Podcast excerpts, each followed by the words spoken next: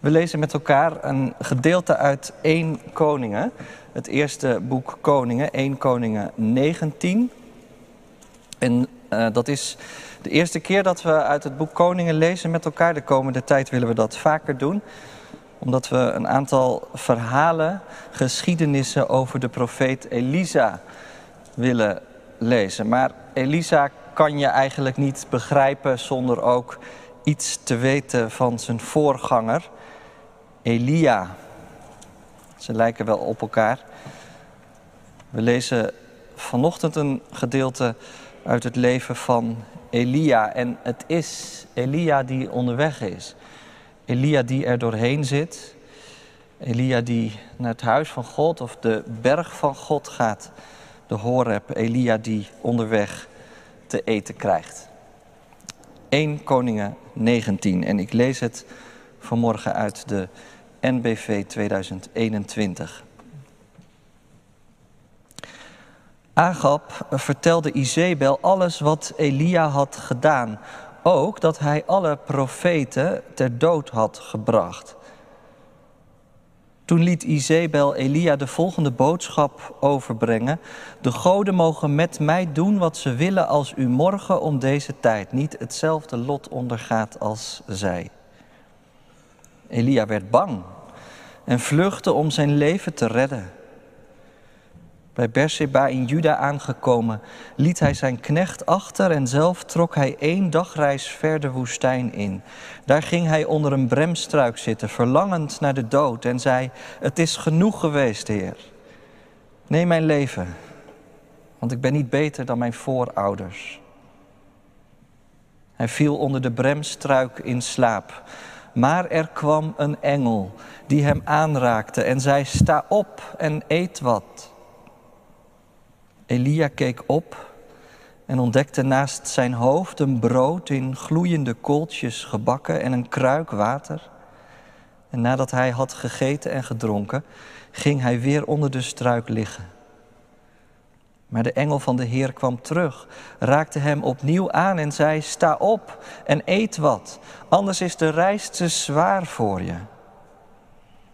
Elia stond op en toen hij had gegeten en gedronken, liep hij gesterkt door dit voedsel veertig dagen en veertig nachten door de woestijn, tot hij bij de Horeb kwam, de berg van God.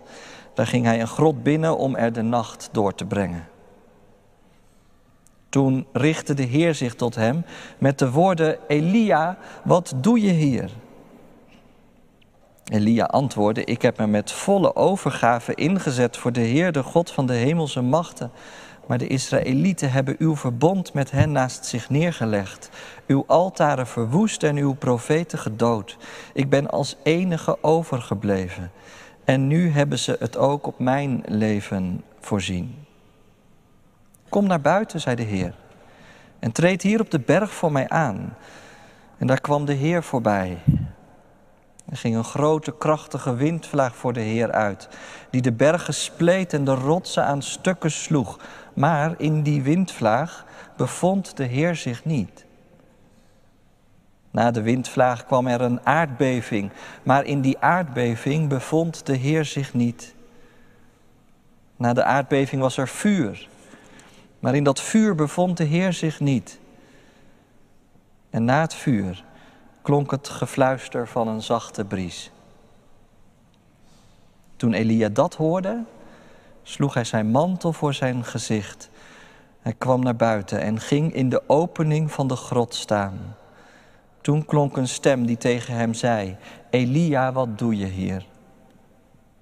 En Elia antwoordde: Ik heb met volle overschave mijzelf ingezet voor de Heer, de God van de hemelse machten. Maar de Israëlieten hebben uw verbond met hen naast zich neergelegd, uw altaren verwoest en uw profeten gedood. Ik ben als enige overgebleven. En nu hebben ze het ook op mijn leven voorzien. De Heer zei tegen Elia: Keer terug en ga naar de woestijn van Damascus. En daar aangekomen moet je Hazael tot koning van Aram zalven. Jehu, de zoon van Nimsi, moet je zalven tot koning van Israël. En Elisa, de zoon van Safat uit Abel Mechola, moet je tot jouw eigen opvolger zalven. Wie ontkomt aan het zwaard van Hazael, zal gedood worden door Jehu. En wie ontkomt aan het zwaard van Jehu, zal gedood worden door Elisa. Maar ik zal in Israël 7000 mensen overlaten die niet voor Baal hebben geknield en hem niet hebben gekust. En Elia ging weg van de Horeb. En toen hij Elisa, de zoon van Safot, aan, Safot aantrof, was deze aan het ploegen. Ze waren aan het werk met twaalf span ossen. Elisa liep achter het twaalfde span. Elia liep op hem af en gooide zijn mantel over hem heen. En meteen liet Elisa zijn ossen in de steek en rende achter Elia aan. Laat mij afscheid nemen van mijn vader en moeder, zei hij. Dan zal ik met u meegaan. Doe wat je wilt, zei Elia. Ik dwing je nergens toe. Elisa ging terug, slachtte zijn ossen, braadde het vlees op het hout van hun juk en bood het zijn knechten aan.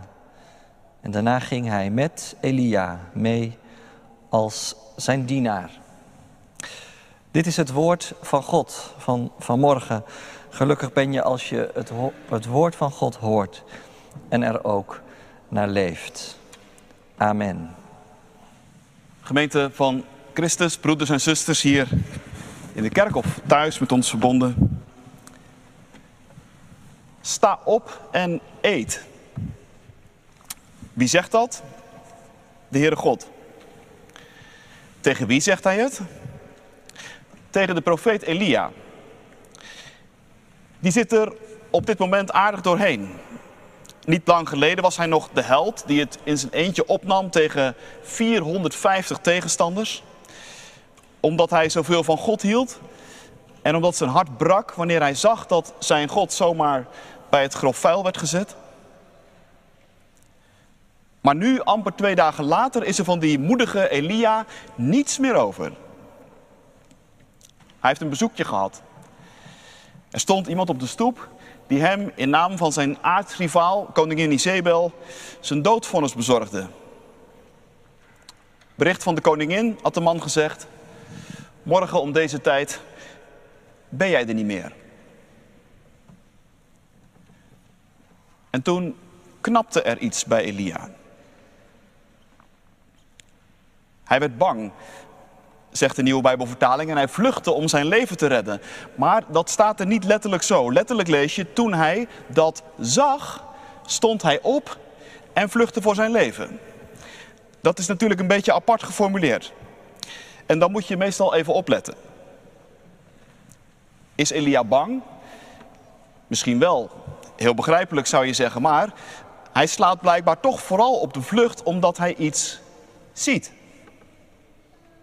Die bode van koningin Isabel, die veroorzaakt bij Elia een, een helder moment. Ineens doorziet hij alles. Hij doorziet dat er sinds dat hele gebeuren van een paar dagen geleden, je kent het verhaal misschien over Elia op de Karmel, waar God zo zijn macht en zijn genade toonde, dat er sindsdien eigenlijk niks veranderd is. Isabel is er niet eens door aan het nadenken gebracht. Laat staan veranderd. Ja, en als de leiders van het volk niet wezenlijk veranderen, wie dan wel? En dat ziet Elia ineens heel scherp hier. En er schiet een stemmetje door zijn hoofd dat zegt: Zie je wel, Elia, niks verandert. Het leek heel wat die keuze van Israël voor God, die nieuwe toewijding. Maar was het meer dan een opwelling? Was het meer dan de hysterie van een moment? De extase, de massa, de warmte misschien wel, je kent dat. En, en, dan zeg je wel eens iets, een beetje zo tussen neus en lippen door, waar je later van denkt, ja, wat heb ik eigenlijk gezegd?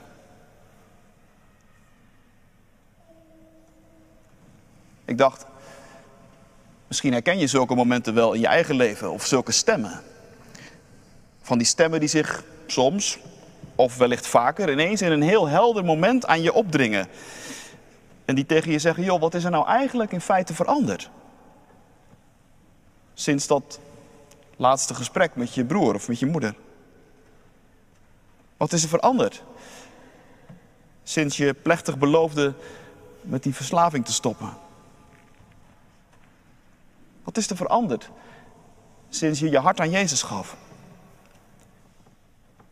Sinds je je mentor voor de zoveelste keer beterschap beloofde.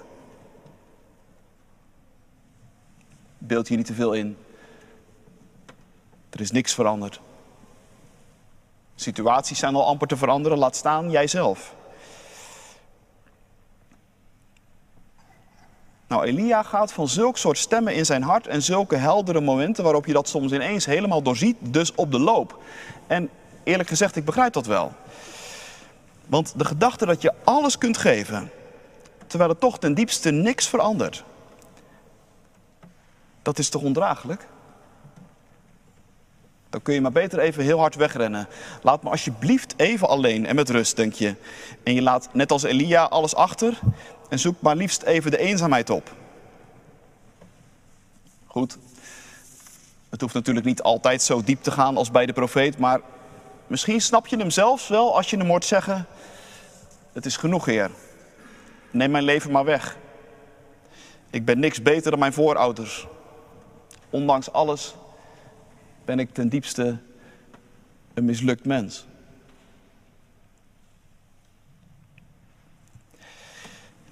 Ja, nou daar ligt Elia dan. In de woestijn, onder een braamstruik. Van binnen is hij eigenlijk al gestorven, want hij heeft amper hoop meer. En het zal niet lang meer duren of zijn lichaam zal ook sterven. Tenminste, dat denkt hij. En dat wil hij ten diepste ook. Maar dan, klinkt er ineens een, een mysterieuze stem die zegt: Sta op en eet. Aan tafel jij, Elia. Wie zegt het? Een boodschapper van God. Sta op, Elia, en eet. De manier waarop de Heere God hier in dit hoofdstuk met Elia omgaat, die is adembenemend. De Heere God gaat zo zorgzaam, zo mild, zo teer, zou je kunnen zeggen, met zijn profeet te werk. Hij begint niet Elia ineens van alles te verwijten. Geen lafhartigheid, geen bangheid. Nee, helemaal niets. Hij laat Elia eerst even slapen. Het is een zegen als je goed slaapt. Een gave van God. Tijdens die momenten waarop wij van de wereld zijn, nergens weet van hebben, is de Heere God voor ons bezig. Iemand voor ons ik weet niet wie, maar ik zag hem liggen gisteren bij het gemeenteweekend. Heeft daar een schilderij over gemaakt en schreef dat daarboven. Uh, ik citeer het nu even uit mijn hoofd, maar er stond zoiets van... Al, when we work, uh, works God. Het was Engels. Um, nee, when we work, we work. When we sleep, God works. Zoiets. Nou, dat is wat Elia hier ervaart. Ik ben benieuwd van wie die was trouwens, dat schilderij. Hoe dan ook, er staat voor Elia ineens een koek klaar, zomaar. En een fles water, midden in de woestijn. Sta op en eet wat, hoort hij. Merkwaardige tafel natuurlijk, zo midden in de woestijn, maar op dat moment bijzonder welkom in Elia's leven. Als een teken van Gods intense zorg voor zijn profeet. Aan tafel. Dat is het thema dat de protestantse kerk aanreikt voor het komende seizoen en waar we hier in de kerk ook mee aan de slag willen. Nou, als we het daarover hebben aan tafel in de kerk, dan, ja, dan roept dat natuurlijk direct associaties op met die bijzondere tafel die hier vooraan staat, week in week uit. Die tafel die symbool staat voor een gulle God die uitdeelt, ruimhartig. En die met gulle hand week in, week uit hier brood voor je hart uitstrooit. Woorden van het eeuwige leven. En die die tafel van tijd tot tijd ook laat dekken. En dan tegen ons zegt, sta op en eet. Brood en wijn. Neem de tekens van mijn intense zorg voor jou. Toen je nog nergens weet van had. Toen je nog sliep, was ik al voor je bezig. Toen je nog van geen wereld wist, Toen je nog weinig gemerkt had van, van schuld en van gebrokenheid, van mislukking. Van alles geven voor iets terwijl er amper iets verandert. Ver voor dat alles bereidde ik al een toekomst voor je. En daarom klinkt het hier telkens weer: sta op en eet. Sta op. Neem plaats aan mijn tafel. Eet en drink. En gedenk de dood en de opstanding van Jezus Christus. En laat je erdoor veranderen. Laat je erdoor overtuigen dat er wel degelijk iets veranderd is. Aan Gods tafel gedenken we dat Christus gekomen is. Dat Hij gestorven is en verrezen. En dat daarmee alles veranderd is. Dat daarmee de machten van de dood en de hel de wacht zijn aangezet. Zij hebben een grens in wat zij kunnen doen en bereiken. En dat de toegang tot het huis van de Vader vrij is. En dat al die heldere momenten, die ongenadige stemmen die je willen wijsmaken dat het ten diepste helemaal niks, nooit verandert, dat die stemmen ongelijk hebben.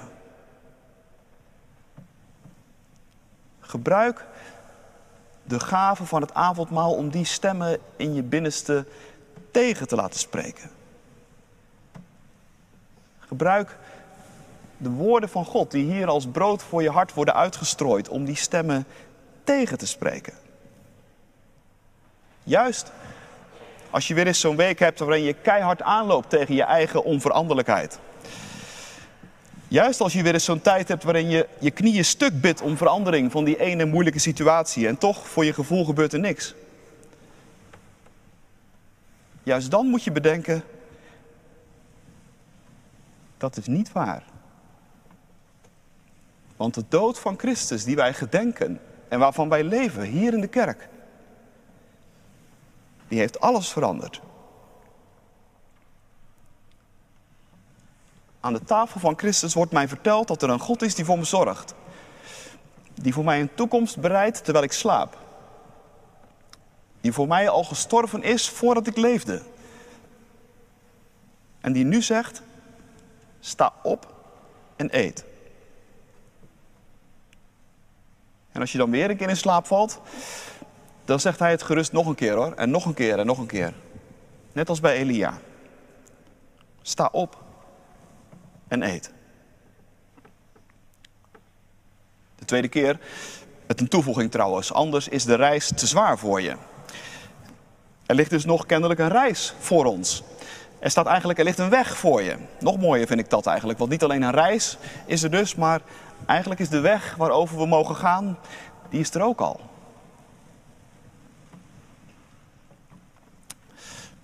Bij het nadenken over dit thema aan tafel en bij de voorbereiding van deze dienst moest ik denken aan Johannes Chrysostomus.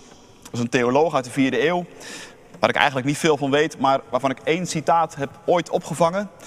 En daarin zegt hij, de kerk heeft eigenlijk twee tafels. Twee altaren, zegt hij. Het ene, dat staat hier voorin, dat is de avondmaalstafel. Maar het andere, dat staat midden in de wereld. Te midden van de armen, voegt hij eraan toe. Te midden van hen die lijden. Te midden van hen die in nood verkeren. Ik vind dat een hele fascinerende gedachte. En ik hoop dat we hem de komende tijd wat kunnen verkennen, nog wat verder. Dat er dus een lijn loopt vanuit het hart van wat hier in de kerk gebeurt op zondag, naar alles waarmee je door de week wordt geconfronteerd in je dagelijkse leven. Dus als God ons naar deze plek roept en hij zegt tegen ons aan tafel, sta op en eet. Dan zegt hij dat omdat je daarna de wereld weer in moet. Net als Elia. Er lag nog een hele lange weg voor hem. Zoals er ook telkens wanneer wij bij God aan tafel geweest zijn, een weg voor ons ligt. En de Heere God is eerlijk tegen Elia en ook tegen ons. Die weg, zegt hij, die zou wel eens pittig voor je kunnen zijn. Nou, dat blijkt ook wel. Want als we verder lezen, dan is het eerste wat opvalt aan die weg die God vervolgens met Elia gaat, dat het een weg is die meteen de woestijn invoert. Ja, zeg je, maar daar zat Elia toch al? Dat klopt. Hij was er naartoe gevlucht. Eén dagreis de woestijn in staat er. Dus rechtsomkeerd had makkelijk gekund. Binnen een dag zou hij weer terug zijn geweest in de bewoonde wereld. Maar de weg van God loopt toch anders. De weg van God maakt geen rechtsomkeert, maar voert nog verder de woestijn in. En veertig dagen en veertig nachten loopt Elia alsmaar verder naar het zuiden, alsmaar verder van huis. Waarom, denk je? Waarom voert die weg die God met Elia gaat zo'n eind van huis? Eh, voor je idee totaal de verkeerde kant op zelfs. Naar het zuiden, dat is Israël uit. Dat kan toch korter? Dat kan toch efficiënter? Uitzonderlijk ingewikkeld allemaal dit. Ja, dat zou je natuurlijk kunnen denken als de weg van God die hij met Elia hier gaat, een uitzondering zou zijn. Maar dat is de vraag. Of het hier wel om iets uitzonderlijks gaat. Denk eens even aan andere mensen die hetzelfde overkomt. Mozes, niet minder dan 40 jaar in de woestijn voordat hij God zijn roeping krijgt. Jezus, 40 dagen en 40 nachten in de woestijn aan het begin van zijn leven. Paulus schrijft ook ergens dat hij voorafgaand aan zijn werk als apostel een lange tijd in de woestijn heeft doorgebracht. Niet de minste, dacht ik.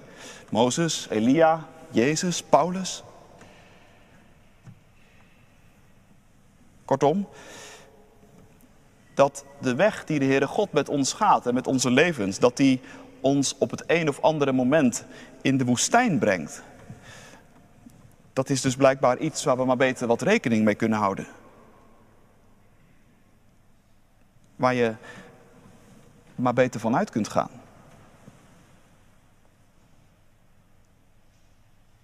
En dan? Als het gebeurt? Als je nou midden in zo'n woestijnervaring zit, nou ja, dat is voor veel mensen reden om vragen te gaan stellen. En zolang ons leven een beetje kabbelt, stellen we de grote vragen vaak niet of wat minder heftig. Maar als het ingewikkeld wordt, dan, dan komen ze ineens boven. De vragen over vroeger, over je opvoeding en over je jeugd.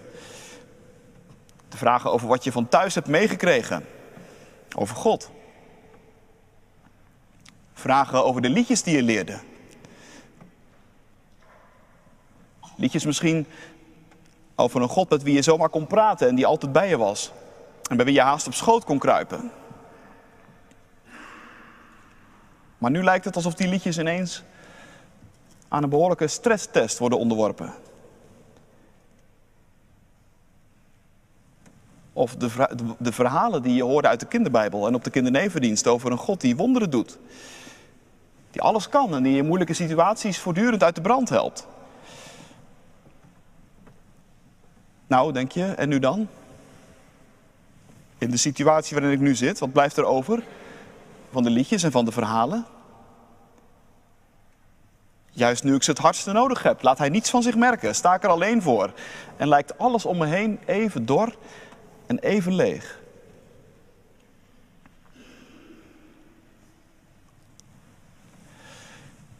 Ja.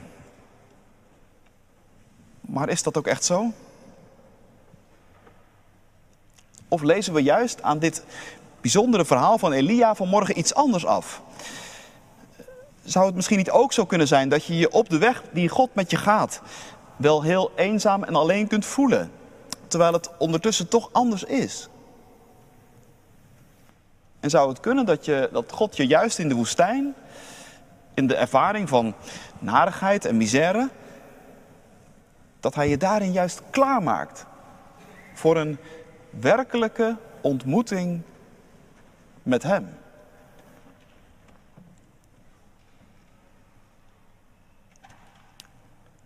Dat is namelijk het tweede brandpunt in die tocht van Elia door de woestijn. Elia's weg door de woestijn eindigt in een, in een mysterieuze ontmoeting met God. Een ontmoeting waarin Elia alles op tafel mag gooien. Alles wat er in zijn hart zit, het mag eruit. Dat hij zich zo alleen voelt. Dat hij er doorheen zit. Maar als dat allemaal gebeurd is, ja, dan is de Heere God aan zet. Dan komen de spectaculaire tekenen, wind, aardbeving, vuur. En dan stilte. En een stem. En in dat laatste is God. Wat doe jij hier, Elia? vraagt hij.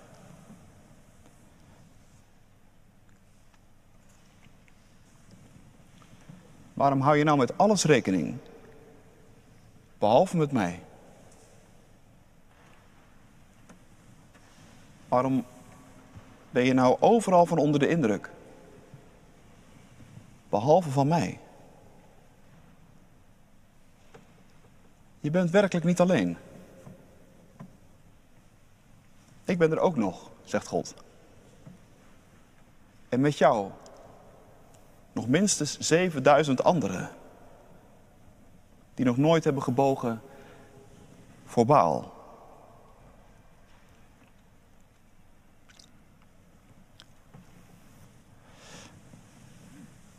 Ik geloof dat wij de antwoorden van God op onze gebeden niet moeten zoeken in de meest indrukwekkende tekenen. In een heleboel spektakel. Het echte antwoord van God zit in zijn stem. Voorafgegaan door een stilte. En het horen van die stem vraagt dus een soort opmerkzaamheid. Een alertheid. Je kunt die stem ook over het hoofd horen. Het vraagt van ons een gespitstheid op, ja, op dingen die voor je besef misschien maar heel klein zijn. Zomaar een Bijbeltekst die je raakt in je dagelijkse lezing. Of zomaar één zin uit een preek of een lied. Of zomaar één of twee woorden in een ontmoeting met iemand in de gemeente. Zo beantwoordt God onze gebeden het vaakst. En zo helpt Hij ons het vaakst overeind.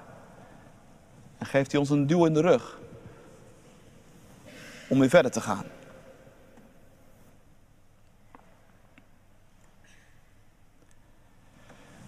En dat brengt me tenslotte bij het laatste. Want in zijn ontmoeting met God krijgt Elia ook een serie opdrachten.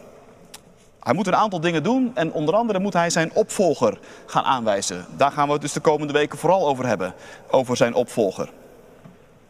En zo gebeurt het dat 1 Koningin 19 niet alleen maar begint met een maaltijd, maar ook eindigt met een maaltijd. Elia heeft zijn opvolger Elisa ontmoet en gevonden.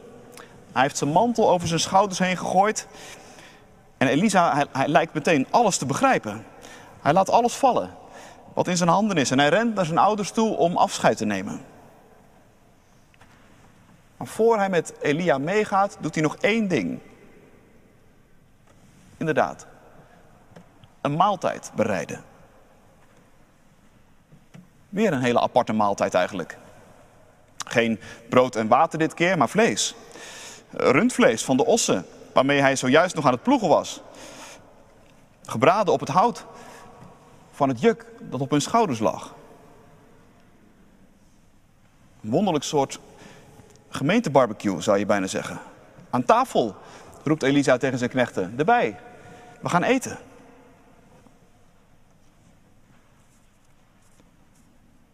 Ik dacht, wat is nou de overeenkomst tussen die twee maaltijden?